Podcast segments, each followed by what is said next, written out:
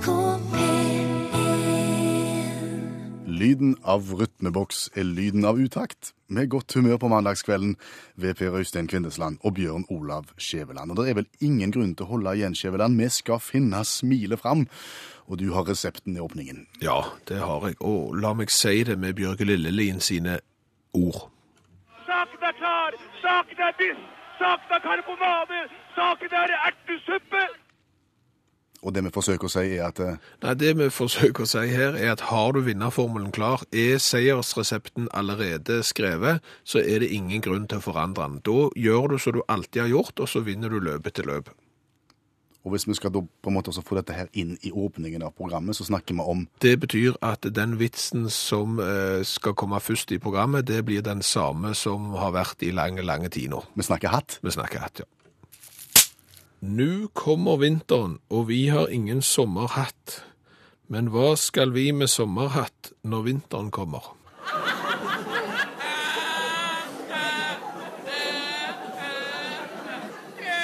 NRK P1 Og vanligvis, hver eneste mandag mellom 22.05 og midnatt, så hører du dette programmet her, Utakt, som er et direktesendt radioprogram i NRK P1. Men vi kan vel ikke feie under teppet det faktum, Skjæveland, at eh, kveldens program er et opptak. Det er det.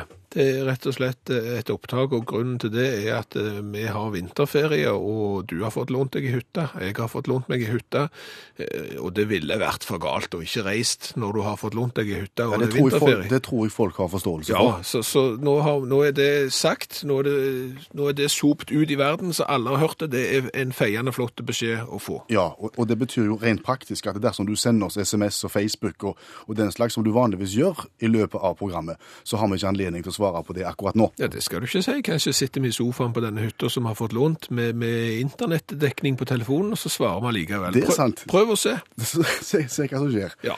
Men men som sagt, men vi kan ikke feie under teppet, eller det heter ikke feie under en stol. Nei, men vi kan feie det hvor som helst. Altså, Feiende flott var det iallfall. Uansett, soping er viktig. Det var veldig mye feiing og soping nå. Ja, det, og egentlig så passet det ikke heller, for det ordet leda oss inn mot noe som vi skal snakke om, men vi gjorde det ikke på en fin måte. Nei, Nei. ikke spesielt elegant. Vi skal snakke om et, et redskap, et verktøy, som vi ikke kan fordra. Ja, feiebrett. Feiebrett. Hvorfor liker vi ikke feiebrett, Skjæveland? Nei, altså La meg eh, fortelle det på den måten at jeg var nett på dugnad. Du har vært på dugnad. Ja, Og det var å rengjøre anleggsbrakker. Riktig. I utgangspunktet en alle tiders jobb, bare det. Men, men da eh, var vi jo to mann som hadde ansvar for akkurat det, og, og da var jo arbeidsfordelinga sånn at jeg gikk i front. Altså Du kan si jeg var frontsoldaten i dette følget, og jeg var utstyrt med kost og feiebrett. eh, Og så gikk nummer to i følget bak, kan du si bak patruljen, uh -huh. gikk med mopp. Ja.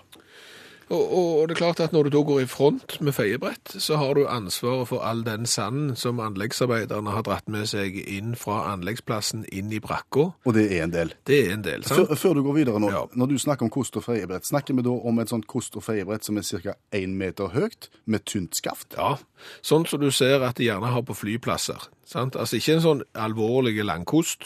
Nei. Og heller ikke satt jeg på huk på gulvet med en bitte liten sånn en håndkost. Jeg gikk med den, som du sier, den der énmetersgreia. meters greia. Den er akkurat så korte, eventuelt så lange, at du ikke kan rette deg ut. Ja, du står lett, lett framoverbøyd. Du står krumbøyd og, og feier, og det gjorde jeg i lang tid. Ja. Men hovedproblemet er jo ikke høyden nødvendigvis. Nei, altså det er jo ikke kosten. Nå, nå skal jeg feie for egen. Nei, det går ikke det. Nei, bare hold den vekke. Ja. Men, men problemet er jo feiebrettet. Hva er problemet? Problemet er at det er en idiotisk oppfinnelse. Fordi? Fordi han virker ikke. Fordi Nei, men altså, tenk deg dette. Du soper sand, Ja. sant? Så tar du feiebrettet ned på bakken, og så feier du opp i feiebrettet. Aha. Så tar du vekk feiebrettet. Hva ligger igjen? En strek. En stripe med sand. Ja. OK. Du snur feiebrettet 90 grader, Ja. angriper da den her streken, sånn at du, og så feier du opp i feiebrettet. Ja. Og så tar du vekk feiebrettet, så er det En strek igjen. Yes. Så gjentar du den prosessen, og så gjentar du den prosessen, og så gjentar du den prosessen. Og strengt tatt så tror jeg jeg kunne stått og feid ennå, og det hadde fremdeles vært en strek med sand igjen. Det er jo umulig å få opp den siste biten. Alltid, uansett hva det er. Og det er da du snur deg og ser om noen ser deg. Ja. Og hvis ingen ser deg, Ja. så bare koster du den fort utover på gulvet eller inn i en krok. Ja, det er jo det. sånn. Så du rengjør til en viss grad, og så tenker du nei, nå gidder jeg ikke mer, og så feier du det tilbake igjen. Og for å si det sånn, Mm. der er folkeslag. Skal ikke henge de ut, men la oss kalle de spanjoler og franskmenn, eksempel. Ja. Der er jo folkeslag som vokser opp i hus uten støvsuger. Ja, altså, Vi vet jo det at du har vært au pair i Frankrike. Det er Ja. ikke så mange menn som har vært det. Nei, som ikke har, blitt frisør i hvert fall. men det har du vært. Ja. Og dette, altså, dette vet du? Ja, i det huset som jeg hadde ansvar for å A. stryke klær, to måltid til dagen eh, og holde rent. Ja. det høres ikke spesielt maskulint ut, men sånn er det nå. Ja. Der hadde de ikke støvsuger. De hadde kun kost og feire. Ja, for det er at nei, vi har jo flisegolv. Ja, hva så? sant? Så går du rundt der, så skal du holde det rent med kost. Og da oppdager du dette her problemet hver eneste dag. Du soper, mhm, litt igjen, du soper på nytt. Til slutt er det ingen noen som ser meg. Selvfølgelig ikke. Jeg er au pair jeg er alene i huset. Jeg feier det inn i hjørnet. Ja. Og det gjør jeg jo dag etter dag. Og du kan jo tenke deg det hjørnet til slutt. Da blir en del av det. Da blir en del av det. Ja, altså Henstillingen må jo være til dere som produserer dette her. Går det ikke an å bygge og konstruere brettet på en sånn måte at streken ikke blir liggende igjen? Jeg, jeg tror ikke det går. Altså, Jeg har vært inne på internett Ja. og lett etter kan du si, Rolls-Royce-versjonene av feiebrett og kost. Altså, Du kan uten problem, problem finne feiebrett til 719 kroner. Og jeg er bombesikker på de er akkurat like dårlige som den lille plastikkbiten til 39. Nei, Det er helt meningsløst. Så kjekt å ha en gang. Nei. det er ikke...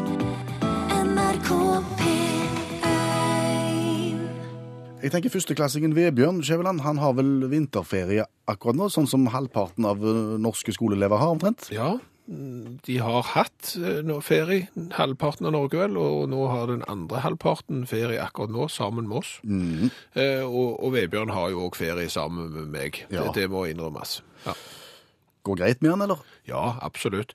Og, og det er klart, vi har jo fulgt den siden han begynte i første klasse i august for å få sette fokus på hva lærer de egentlig i den norske skolen. Og, og det er klart at jeg hadde jo tenkt at eh, nå i vinterferien så, så leste han gjerne litt for seg selv, satte seg inn i, i, i noe pensum og, og den slags. Det, det virker jo som han har blitt veldig inspirert av det året som ligger bak så Ja. langt, så han har vært veldig på. Ja, for, for jeg har jo pakket bilen fotla av fleksikon, eksempel, bare sånn for at vi skal ha med litt grann så han kan ha på på sengekanten. Så jeg ja. tenkte jo at det, det er jo ikke feil å spørre han hva han har lært, selv om han har ferie. Men det kan du trygt si at det skulle jeg ikke spurt om.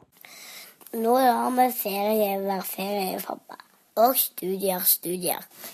Betyr det at du ikke har lært noen ting denne uka? Ingenting du kan fortelle om på radioen? Jeg lærer jo stadig noe nytt. Hele oppveksten er jo en eneste lang utdannelse. Ja, hva er problemet da? Problemet er at hvis jeg har lært noe nå, nå når jeg har fri, da slår jeg bein unna den skolestrukturen som vi har i Norge. Nå er det vinterferie, og det er fordi vi trenger det. Etter mange intensive skoleuker. Fri til å restituere oss, og tid til å slappe av fra det pedagogiske kjøret. Ja, for å være helt ærlig her, Bjørn, så har jeg falt av eh, for lengst. Pappa, jeg vil ikke være med og fronte en skole der det kan se ut som om det er altfor mye fri. Gjør jeg det, har jeg et helt lærerkorps på nakken. Et lærerkorps som nylig har gått i tog og demonstrert for å gi en tydelig beskjed om at arbeidstida absolutt ikke skal røres. Så du er rett og slett redd for lærerne her, Vebjørn? Nei, ikke redd. Men jeg har så mange år igjen på skolen, og så mange karakterer jeg skal få. Så jeg ser ingen grunn til å legge meg ut med de som en gang skrev meg vitnemål. Vet du hva, Vebjørn? Mhm. Pudding. Pudding kan du være sjøl. Det gamle fossil. Hvis jeg sier idrett og juks, hva tenker du da? Doping. Da tenker du doping. Ja. Ja, det er liksom sånn hånd i hånd. Idrett og dop.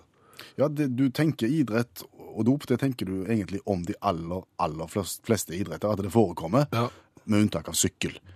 Ja, Der, der kan det ikke skje. Nei. Der, der driver en ikke med den slags. det er, jeg, ja, det er jeg helt enig i. Altså, alle andre idretter ser jeg det forekommer eh, doping og juks, men, men sykkel er vi heldigvis forskånte for den slags. Har vi snakket om det med ironi på radio? Ja, det funker ikke spesielt godt. Nei. Men, men det er jo, altså, doping er juks. Ja, absolutt. Ja, men det som er med den type juks der, doping, det er jo å tilføre kroppen noe væske eller noen medikamenter som gjør at kroppen endrer sin tilstand, og så blir du hakket før Supermann. Det er jo liksom greia.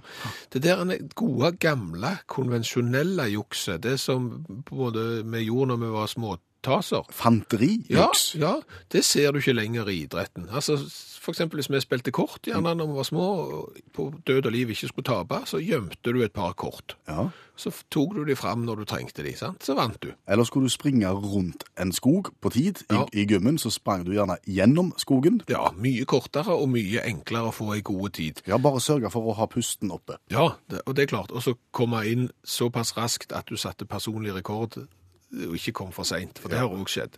Hvor den litt sånn kreative biten av det ble stimulert. Ja, rett og slett. Og, og den type juks der, den finner du ikke i idretten lenger nå. Heller Altså, ikke var- de olympiske leker. Nei, det var ingen som hoppet den korteste veien, eksempel, eller tok en snarvei på på femmila, liksom.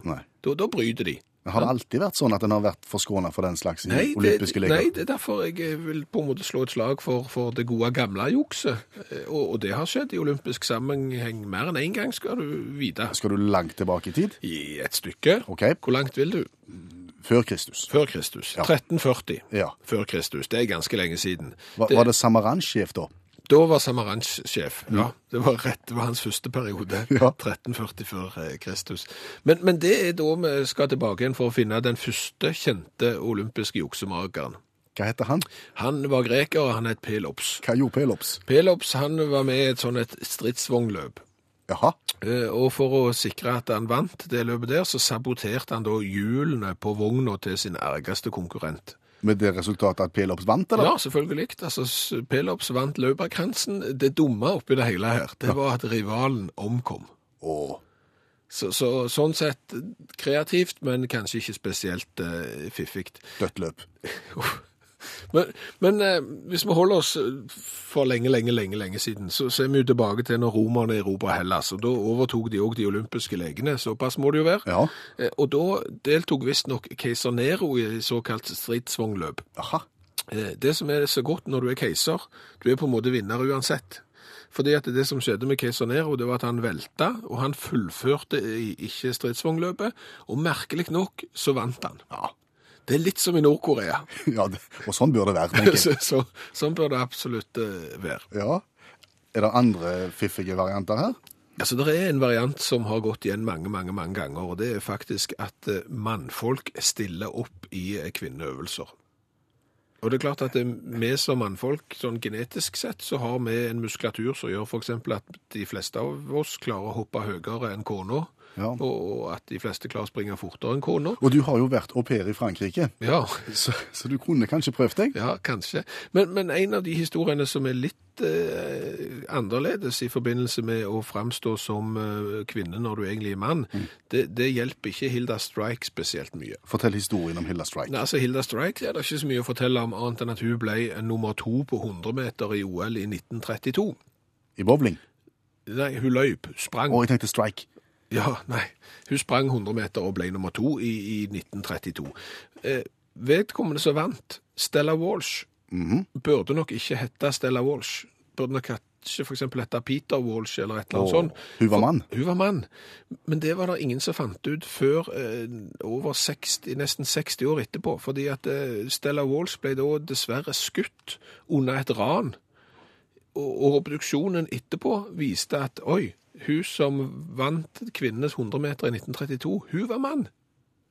Levde Hilda Strike på det tidspunktet? Det vet jeg ikke, så kanskje hun kunne fått eh, i så fall medaljen post, post mortem eller noe sånt. Ha. Eh, Så har du det som du sa, at eh, vi har jo titt og ofte, ikke titt og ofte, vi kan ikke stå frem som de oksemakerne, men vi har vel tatt en snarvei når vi skulle bli evaluert på langdistanseløping Ja. i skolegården. Ja, eller militæret. Ja, for eksempel. For da satt jeg inne. Det er ikke sånn inne. Å nei, oh, den var, nei da, da satt jeg i, Da hadde jeg vakt. Ja. Det er viktig å passe på å ha den vakta. Men, men i, hvis vi går tilbake til 1904 Mm. Maraton er jo gyselig langt. Ja, Sant, 42 kilometer. Ja, du skal gidde òg for å fullføre det løpet. Eh, Fred Lords, Mhm. han ble da diska Fordi fordi han kjørte bil. gjennom løypa. Ja, det er klart. Han sprang ut fra start, og så satte han seg i bil, og så kjørte han stort sett nesten det hele. Visstnok så skal bilen ha punktert, han måtte springe lenger inn mot målet enn han trodde. Og dette slapp han jo unna med nesten. Fordi at han sto der sammen med president Roosevelt og skulle ta imot gullmedaljen, men så var det noen som hadde sett at Fred hadde kjørt bil, og så ble han diska, og da gikk eh, medaljen til Thomas Higgs. Han kom da i mål som nummer to, fikk gullmedaljen, men han måtte jo da innrømme at eh, underveis så hadde han vært borti både konjakk og stryknin eh, for å styrke seg. Men, men han fikk beholde medaljen. Kan kan jeg bare spørre om én ting? Ja. 1904. 1904, ja. Da kjørte han bil. Ja, Jeg tenker de bilene de, de, de går ikke så stille som elbilene går i dag. Nei, og de går sikkert ikke fortere enn at det hadde vært fortere å springe ved siden av. Det skal være mulig å oppdage dette, tenker jeg. Ja, ja. Men, men det er litt det samme jukset, sant? Eh, Han tok bil for å komme først i mål. Hvis du går tilbake til noen år tidligere, i det første moderne OL, 1896, så var det en som prøvde det samme, bare tok han, han tok hest og kjerre. Men han hadde feilberegnet, og kom i mål som nummer tre. Sant? Han juksa seg til en finfin bronsemedalje. Ja, så, så det er jo gjerne ikke det, det smarteste. Har vi snart tatt de nå? Ja, vi har tatt de, men vi har kanskje den groveste igjen. Altså, snakke meg om øh, frekkhetens øh, nådegave. Altså, noe juks kan jo være kreativt, feiende flott og litt inspirerende. Noe er bare dumt. Skal vi langt tilbake i tid? Nei, 2000. Og i vår egen tid? Ja, men vi skal ikke til OL, vi skal til Paralympics i Spania i 2000. OK. Da klarte spanjolene å stille med 15 funksjonsfriske utøvere i Paralympics. Det er ikke fint. Hva kan vi si til sånt? Være greie, altså. Kreativitet, ikke toskaskap. NRK P1 Det er vel de som tar seg en skvett i vinterferien, tenker jeg. For det er jo sånn at halvparten av Norge innleder vel vinterferien sin i dag, mens den andre halvparten hadde forrige uke. Og ja, ja, halvparten, halvparten. Skolebarn, skoleungdom og lærere Ja. Og oss. som har fått fri. Ja, eh, og det som jo er så fiffig da, det er jo lagt opp sånn at ca. 50% har ferie da, mens den andre 50% har hatt ferie, og det er jo litt for å få det til å gå opp, sant? At ikke alle skal kjøre over den samme fjellovergangen samtidig, at hjulene skal trille i Norge fordi om det er ferie. Det er jo en mekanisme som blir brukt om sommeren òg. Innad i store bedrifter, noen får en tidlig periode, noen får en sene, og dermed så klarer du å holde hjula i gang uten å måtte liksom legge alt brakk. Fiffig. Da får du en slags kalender som er på en måte differensiert, men det er ikke så avansert annet enn altså, en, en finner ut av det, for å si det sånn.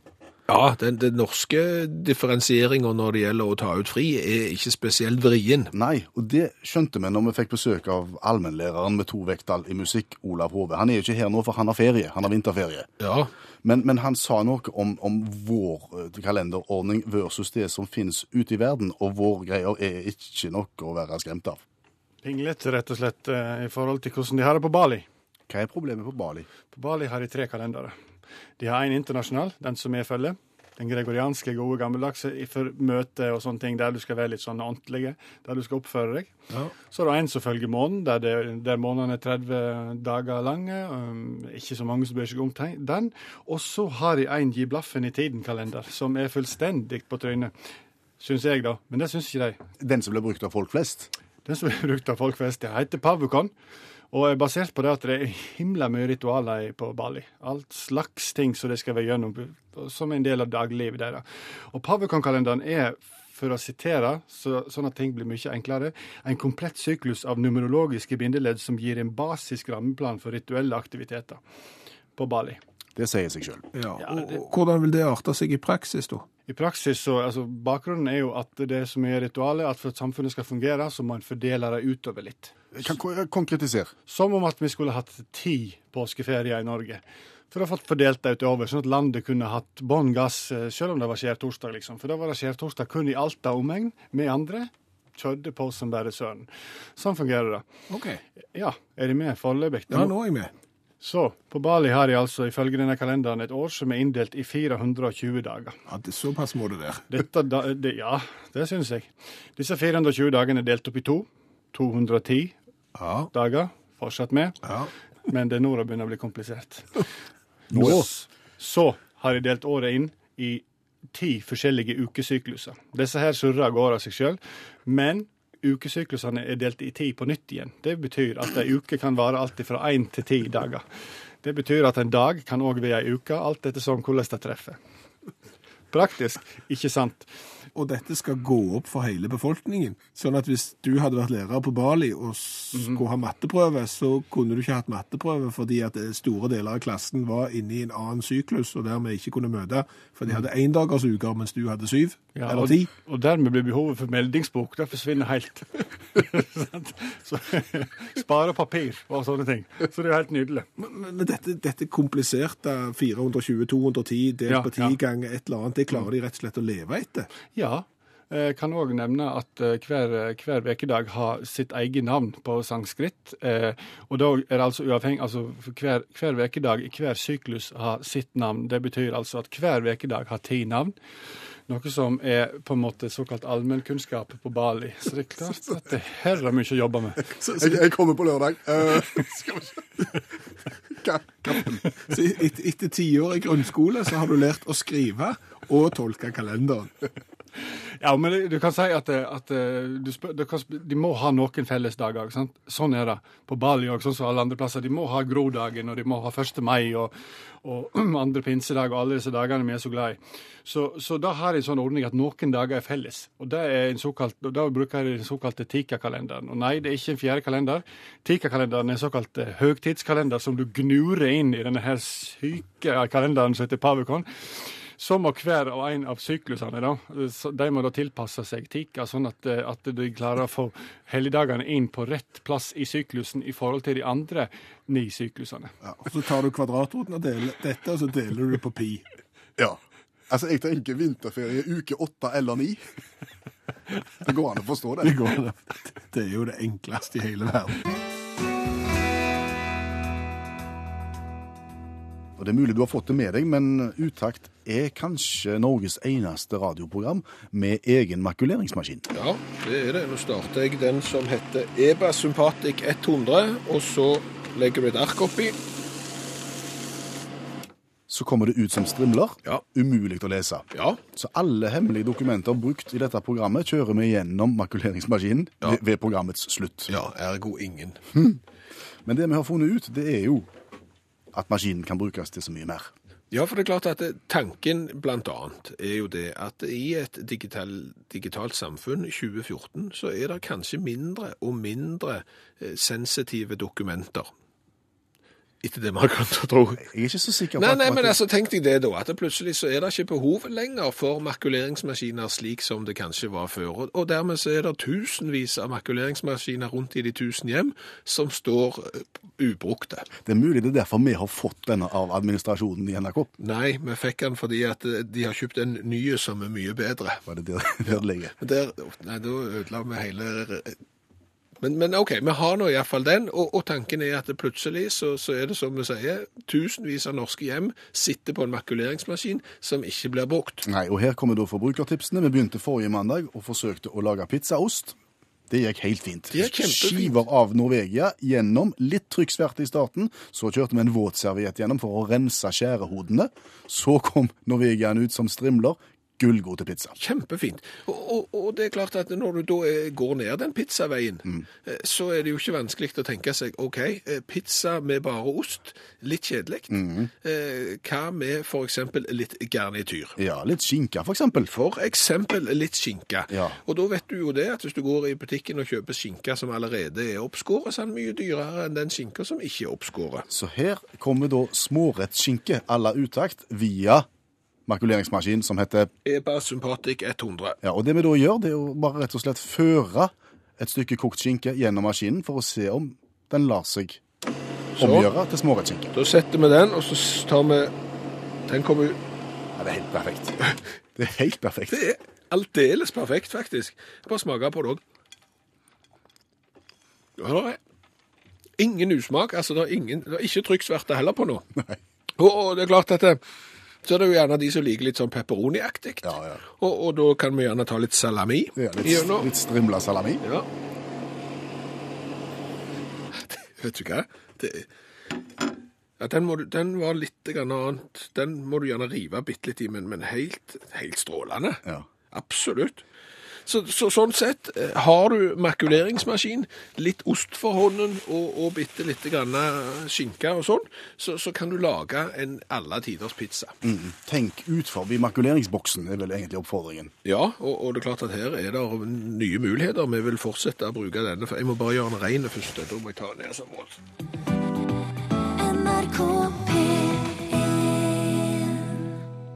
Vi kom på jobb for noen dager siden, og så lå der en underlig pakke til oss i posthylla. Ja, og når vi åpna den, så var gleden stor. Der lå det fem sånne smell bonbong-greier, så gjerne dekorerer kransekaker i enhver konfirmasjon med respekt for seg sjøl. Nå vil kanskje mange hevde at vi snakker mot oss sjøl, fordi at vi innleder jo alltid programmet med, med hatten. Med, med Nå er vinteren kommet. Altså en, en kransekakevits som vi oppdaget i september i fjor. Ja. Og, og ser ingen grunn til å bytte ut den, men det er tydelig at andre syns at det finnes alternativer. Jo, men det som jo er en debatt som går rundt i de tusen hjem, rundt samtlige middags-, frokostbord, restaurantbord i Norge til enhver tid, er jo diskusjonen om kransekakevitsene har blitt bedre eller verre enn de var. Hva vet vi om, eh, om alders... eh, Altså, hvor gamle er disse her vi har fått tilsendt? Ja, for det er nå det kommer. Nå kommer det som er interessant. Fordi at det mange sier, som, som jeg påstår her, at kransekakevitser, nei, vet du hva, de er ikke spesielt morsomme, sant? Altså, her sitter det folk, profesjonelle folk, skriver vitser, og de er ikke spesielt gode. Det jeg sitter med i hånda nå, er etter det vi har grunn til å tro 30-40 år gamle kransekakevitser. De kommer fra et dødsbo, Ja. Eh, og, dermed er vi ganske sikre på alderen. Eh, Så kan du lure på hvorfor noen har spart de, det er en annen historie, men de har vi fått tilsendt. Altså kransekakevitser fra et dødsbo. Det, var det smell for 30-40 år siden? Ja, det vil jo vise seg. Ja, ja. Ja, smellet virker. Smellet virker, og vi pakker opp og skal se om kvaliteten på, på vitsen er endra seg de siste 30-40 åra. Altså, dette er kransekakevitser fra den tida vi ble født, Skjævland. Ja. Er det hatt? ja. det er hatt.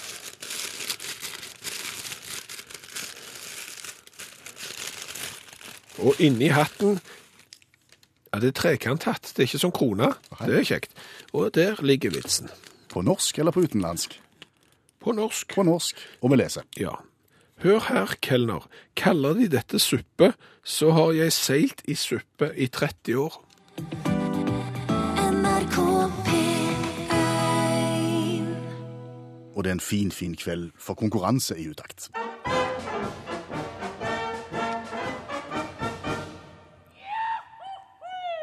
Skjæveland sitter med oppgaveboken. Ja, Barnas egen spørrebok av Peter Nødt, eh, gitt ut i 1975. Kveldens deltaker Torstein Haugeto, hvor gammel var du i 1975? Det var vel et par, et par-tre. OK. Frykter du at du går på en smell i kveld, med andre ord? Jeg er helt sikker på at jeg har nok smurt meg vekk. Det, det er ikke uvanlig, skal du si. Altså, Det fungerer sånn at nå skal du få tre spørsmål etter hvert. Og så svarer du rett, så får du Svarer du feil, så får du Men det kjekkeste er, uansett så får du T-skjorta med vedhals. Ja, og det som er så interessant med denne konkurransen, i og med at vi har funnet fram Barnas egen spørrebok fra 1975, det er jo å se hva det var forventa at ungdommen i 1975 skulle eh, vite. Og så langt så er vel erfaringen de skulle vite ganske mye. Ja, jeg vet ikke om det er et skussmål for den norske skolen allikevel, jeg, om vi har beveget oss rett vei. Men eh, sånn er det. Torstein, nå skal du først få velge et sidetall fra boka. Uh, 24. 24. Da er vi på kategorien om dyr, fugl og fisk. Passer det? Uh, bedre. Bedre, ja. Eh, Spørsmål 1 til 19. Må det bli 18. Nummer blir 18. Er sik en ferskvanns- eller saltvannsfisk? Det er en ferskvannsfisk. Det kunne han, Torstein. Ja, her, fasiten her kan sågar fortelle at dette er en av våre mest velsmakende ferskvannsfisker. Må ikke forveksles med sissik. Nei, Det er flyvefisk. ja, eller folk som er sik. Det er noe helt annet. Ytterliggående sik. Ja. Så sik er det. Ja, men dette var jo en strålende start. eh. Da, da eh, har Grimstad ett poeng. Eh, Har vi et nytt sidetall her, Torstein? Kan en safe på det samme, eller skal en satse på at det går på en blemme som forrige mandag, at der sa svaret først? Nei, men vi, vi kan gå Jeg tror du må velge en ny kategori, for det er mye kjekkere. Ja, Da ble det 48. 48. Du teller på den gamle måten òg, ja. Ja. Skal vi se 48. Eh, Prøv deg i geologi. Se det. Der er det bare åtte spørsmål. Kun åtte spørsmål. Da Ja. ble det nummer én. Nummer én. Hva er geologi? Det er læren om eh, bergarter eller stein. Ja, men det, jeg tror ifølge boka her så er geologi et veldig vidt begrep. Det er læren om jorden, men eh, jeg tror vi må si det at er du geolog, så, så liker du det gjerne nedi der. Kjøper den, Grimstad. Kjøper den. Det er 2-0. God start. Én kategori igjen. Gi oss et nytt sidetall til slutt. Uh, har du 96? Nei, jeg har ikke det, men vi kan snu det, så kan vi si 69. Det er jo nesten det samme. Det er det. Det var bare svar. Men da blir det 68, det er det nærmeste vi kommer da. Har du et spørsmål der? 11. 11. Yes. Hva, hva er hva kategorien? Ja, vi må bla her, det er mye. Det er fra landet. Fra landet. Fra landet, ja. Uh, skal vi se, nummer 11, der er vi der. Hva har det med bonde å gjøre? Men det er greit. Uh, hva er en dresin? Det er en hånddreven eh, jernbanesak. Ja, det, det er vel pedaler på noen òg. Men det er da en sykkel i gåsøyne sykkel på tre hjul som brukes av barnevoktere på jernbanelinjen der, altså. Ja, men dette var jo aldeles eh, tre av tre. Over all forventning. Ja, Fornøyd med den, Hauge 2? Ja. Ja, må, må, må, må vi rette av gårde i morgen for å kjøpe seg et flakslodd, da? Ikke strekke strikken nå. Nei. Ikke gjør det. Takk for at du var med oss, og ha en god kveld videre. Og dere skal jo ha en god kveld, og så må vi helse til venner og kollegaer og guttene som sitter, og guttene og jentene som sitter på Paradise Hotel i Mexico. Vi hilser Hører, hører, de, hører de mye på utakt? De hører på uh, nettradio. Akkurat. Tenk det. Paradise Hotel, der hadde jeg ikke trodd at vi var sterke. NRK Og vi er nå kommet fram til vår eh, faste spalte, som vi har valgt å kalle Dags. Dags. Daus. Og daus er dansk og betyr Ja, det er en sånn en kameratslig hilsen. God dag, hei, hallo, eh, daus. Eh, Så det er bakgrunnen for det. Og vi skal ikke tøyse med det danske språket, som mange har gjort før oss. Nei, altså vi skal rett og slett bare bare innse det at danskene har en egen evne til å kanskje treffe hodet på spikeren når det gjelder språk, fordi at eh, de har en egen evne til å sette sammen ord og rett og slett forklare ordet sånn som det bør være. Mm. Så det er litt spennende å se på det. Og så tenker vi også at det er mange som reiser på ferie til Danmark. Nå begynner det jo å nærme seg vår og sommer etter hvert, og folket skal av gårde. Og hvis vi kan gi noen råd på veien og lære litt om språket, så gjør vi kanskje ferieopplevelsen enda større. Ja, og, og derfor vil jeg si at dagens ord passer veldig godt. Dagens ord er Dødsrute. Dagens ord er Dødsrute. ja, Dødsrute. det er dødsrute. Ja. Og, og dette er jo lagt opp sånn at det, det er jeg som finner disse ordene i den danske ordbok, eh, og så er det du som skal prøve å tenke hva har danskene tenkt når de har sagt dødsrute, Ja. altså dødsrute. Hva, hva tror du dette er et slags ord? Altså, det er jo fort gjort å tenke farlige veier. Ja, og der er du jo for så vidt på sporet, så, så du kan si at den, den litt direkte bruken av ordet dødsrute, altså en meget farlig rute hvor man risikerer at det mister livet eller kommer til skade, det er på noen måte den gamle betydningen. Men så har dette ordet vokst oh. inn i dagligtalen på en helt annen måte, og det er den vi skal fram til. Så det handler ikke om veier du ikke bør velge pga. farlige trafikalske Overhodet ikke. Nei. Kan jeg få et tips på veien da? Nei. Overhodet ikke. Nei. Har det noe med død å gjøre? Nei, egentlig ikke. Ikke direkte iallfall. Har det noe med et rutevalg, en trasé? En, Litt. er, det, er det praktisert av barn eller voksne eller ungdom? Eh, Ungdom og voksne. Ungdom og voksne. Forhåpentligvis ikke barn. Akkurat. Mm. Snakker vi rusmidler? Yes. Er det noe du ikke bør innta på noe som helst vis? Nei. Nei. Men, men OK, skal vi hjelpe deg bitte litt? Ja takk. Du i norsk sammenheng så bruker du gjerne såkalte pub-til-pub-sko når du er ute på en dødsrute. Begynner det å demre nå? Ja, du er på en pubrunde? Ja, altså du er, på en, du er fra vertshus til vertshus og inntar større mengder alkoholisk drikke. Hele veien, ja. Ja, på, på en foretrukken rute i byen. Hvis du er ute på en sånn en tur, så er du på dansk ute på en dødsrute. Det er en kneipetur som, som tar litt av. Som kan ende i forferdelse. Ja. Ja. Da er du på dødsrute. Ganske fiffig. Og brukt f.eks. for eksempel hvis du lever som rockemusiker. rockemusiker. Da kan du òg ha et, si, et eleveforhold som fører til en tidlig død. Og det er da at du er konstant på dødsruten. Da hiver du inn litt narkotika. Et par pjoltere, sånn til frokost, før du tar formiddagspjolteren og litt narkotika. Da har du rockestjernen konstant på dødsruten, eksempel. Da har vi lært noe i kveld også. Ja, ikke ganske fiffig? Vi har lært noe i spalten vi har valgt å kalle Daus.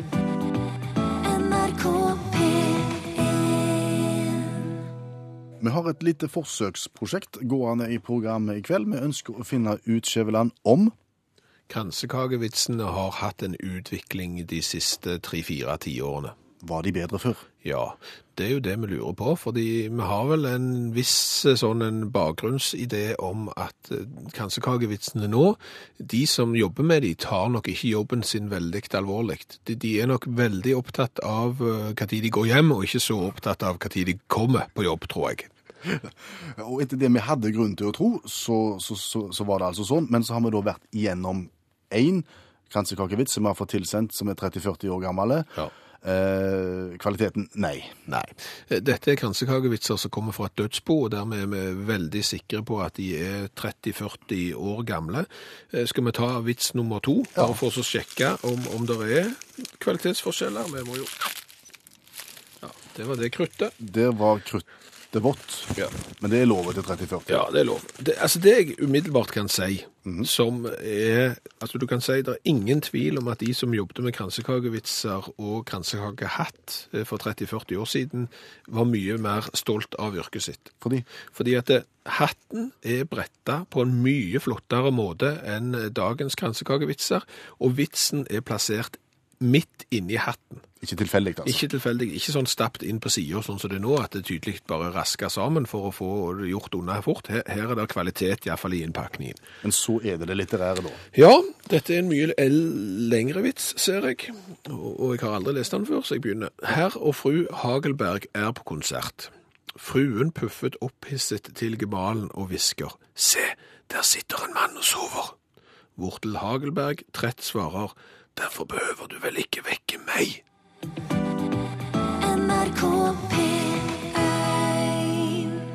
Skjæveland, hvilket land i verden har den mest avanserte kalenderen? Det er Bali. Det har vi lært i dag av allmennlæreren med to vekttall i musikk, Uten Olav tvil, uten tvil den mest kompliserte kalenderen. Og du kan si, bakgrunnen for kalenderen på Bali er jo litt det samme som at vi har i Norge vinterferie på forskjellig tid, og noen har sommerferie i fellesferien, mens andre har tidlig i juli, og andre har sent i august. Altså maskineriet må svive, Derfor selv så- om folk har fri. Ja, og derfor så lager en en differensiert kalender. Det er bare det at på Bali så har de tatt det ut av all verdens proporsjoner og sørga for at alle får sitt. Ja, 420 dager, deler det på to, 210, så deler du uka. Det er for et mareritt av en kalender, men det er ingen ny tanke. Nei, én ting er Bali, de har også forsøkt seg i andre deler av verden, Olav Hove. Ja, det utmerka det systemet. Sovjetunionen prøvde seg på noe lignende i 1929. For de hadde nemlig, eh, de nemlig oppdaga at maskiner var fine greier, for de kunne på en måte produsere hele tiden, døgnet rundt. Og det gjorde at de ble bedre, de tjente mer penger.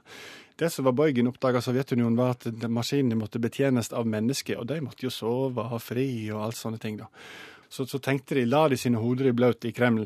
Det gamle hodet dette her, og det ble mye, mye lungebetennelse, men de kom iallfall fram til at her må vi gjøre noe. Og hva er smart å gjøre da? Jo, vi koker opp en helt ny kalender. Som gjør at Som gjør at flere folk er i jobb til enhver tid. Her er systemet. Hver arbeider i Sovjetunionen blir, eh, får i posten en farge. Den fargen representerer eh, deg.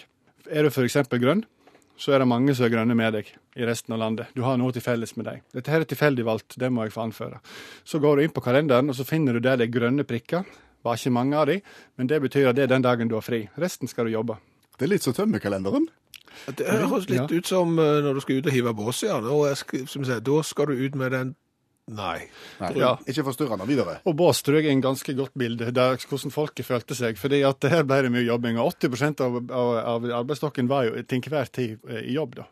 Um, og så, var, så sa de i Kreml dette her med dager og sånne ting, og måneder alt det der, det er pirket og litt sånn gammeldags. så Det bryr ikke vi oss så mye om. Så folk eh, sleit litt med å miste litt sånn tidsperspektivet.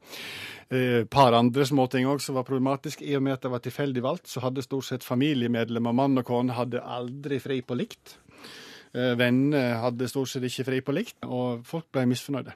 Men, men dette skjedde i 1929. 1929, og de kan ikke drive på med sånt. Så de Men hvor lenge varte det? Til 32. For da tok de endelig til Kreml, og, og da tok de til vett i Kreml. Og Da var det misnøyen blant Ja. folket. ja, så da tok de til vett, og så Nei da, de gjorde ikke det. De innførte et enda sykere system i Kreml.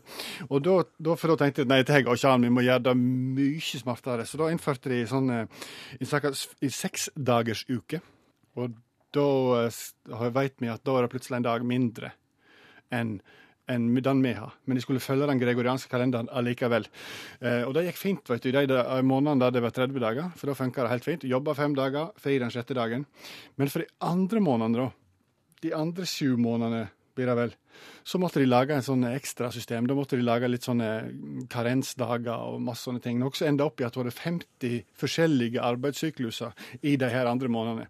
Noe som gjorde at de som jobba, ante egentlig ikke hva de drev med, og hva tid de skulle på jobb, og tid de ikke skulle være på jobb. Noe som medførte at sykefraværet på søndager, når vi andre hadde søndager, det var såpass høyt at eh, at det nærma seg 80% Folk ble drittlei. Mange var da uh, syke. Og etter åtte år så eh, fant folk i Kreml ut at nei, vi går tilbake til den gregorianske kalenderen. La oss få tilbake det. Det funka bra.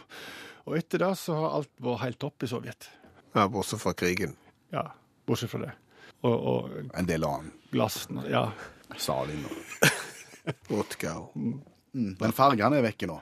Fargene er vekke. Det er de. Nå er alt grått. Jeg lurer på om vi skal snakke juss. Skjæveland, du har strøket på første avdeling juss Ja, med glans.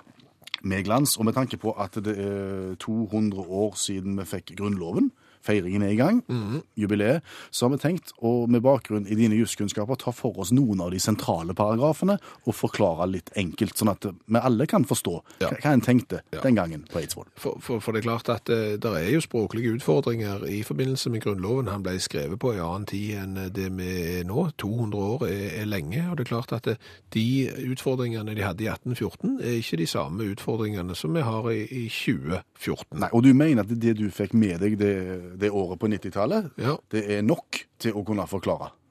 haugen på nok. Fint. Altså, det hva, har jo vært på forelesninger, mann. Ja.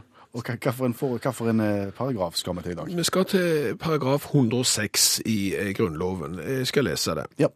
Så vel kjøpesummer som inntekter av det geistligheten benefiserede gods skal blott anvendes til geistlighetens beste og opplysningens fremme. Milde stiftelsers eiendommer skal blott anvendes til disses gavn. Jeg lurer på om du skal ta den en gang til. Ja, altså det, det er mulig at når du hører det, så er det ikke så tydelig som når du leser det. Og det er klart at jeg kan ta den en gang til. Paragraf 106 i Grunnloven. Så vel kjøpesummer som inntekter av det geistligheten benefiserede gods skal blott anvendes til geistlighetens beste og opplysningens fremme. Milde stiftelsers eiendommer skal blott, anvendes til disses gavn. Ja. Og sjelden tror jeg vi har hatt en tydeligere akkurat paragraf enn dette her. Det er nesten ikke rom for tolking i det hele tatt, vil jeg si, på paragraf 106. Bokstavelig talt kanskje en av de tydeligste eh, paragrafene vi har i eh, Grunnloven. Så du mener det, det er ikke vits å gå lenger inn i det? Nei, altså for å si det sånn, her er tolking er fullstendig overflødig etter det jeg har grunn til å tro. NRK P1 Spørsmålet i kveld har vært var ting mye bedre før? Ja, og mer spesifikt, var kransekakevitsene bedre før? Vi har fått tilsendt kransekakevitser eh, som er 30-40 år gamle, og vi tenkte kanskje at de var bedre. Vi har forsøkt to av de. Svaret sånn rent innholdsmessig et rungende nei til Ja. om de var bedre innholdsmessig, men innpakningen, måten, nensomheten i, i utstyrelsen av de, Ja. der har det skjedd ting. Ja, der var de mye mer grundige før. Mye flottere pakket inn. Hatten var nøye bretta, vitsen var nøye lagt inn i hatten igjen. Kruttet litt, ja, ikke verst. Men som du sier, var det bedre før? Et rungende nei så langt. Innholdsmessig. Ja. Har Er det bare, finnes det rungende nei? Du tenker rungende ja versus rungende nei? Ja. Jeg tror begge deler fins. Gjorde det? Jeg ville sagt rungende ja og et konstant nei. Konstant? Konta- kont kontant nei.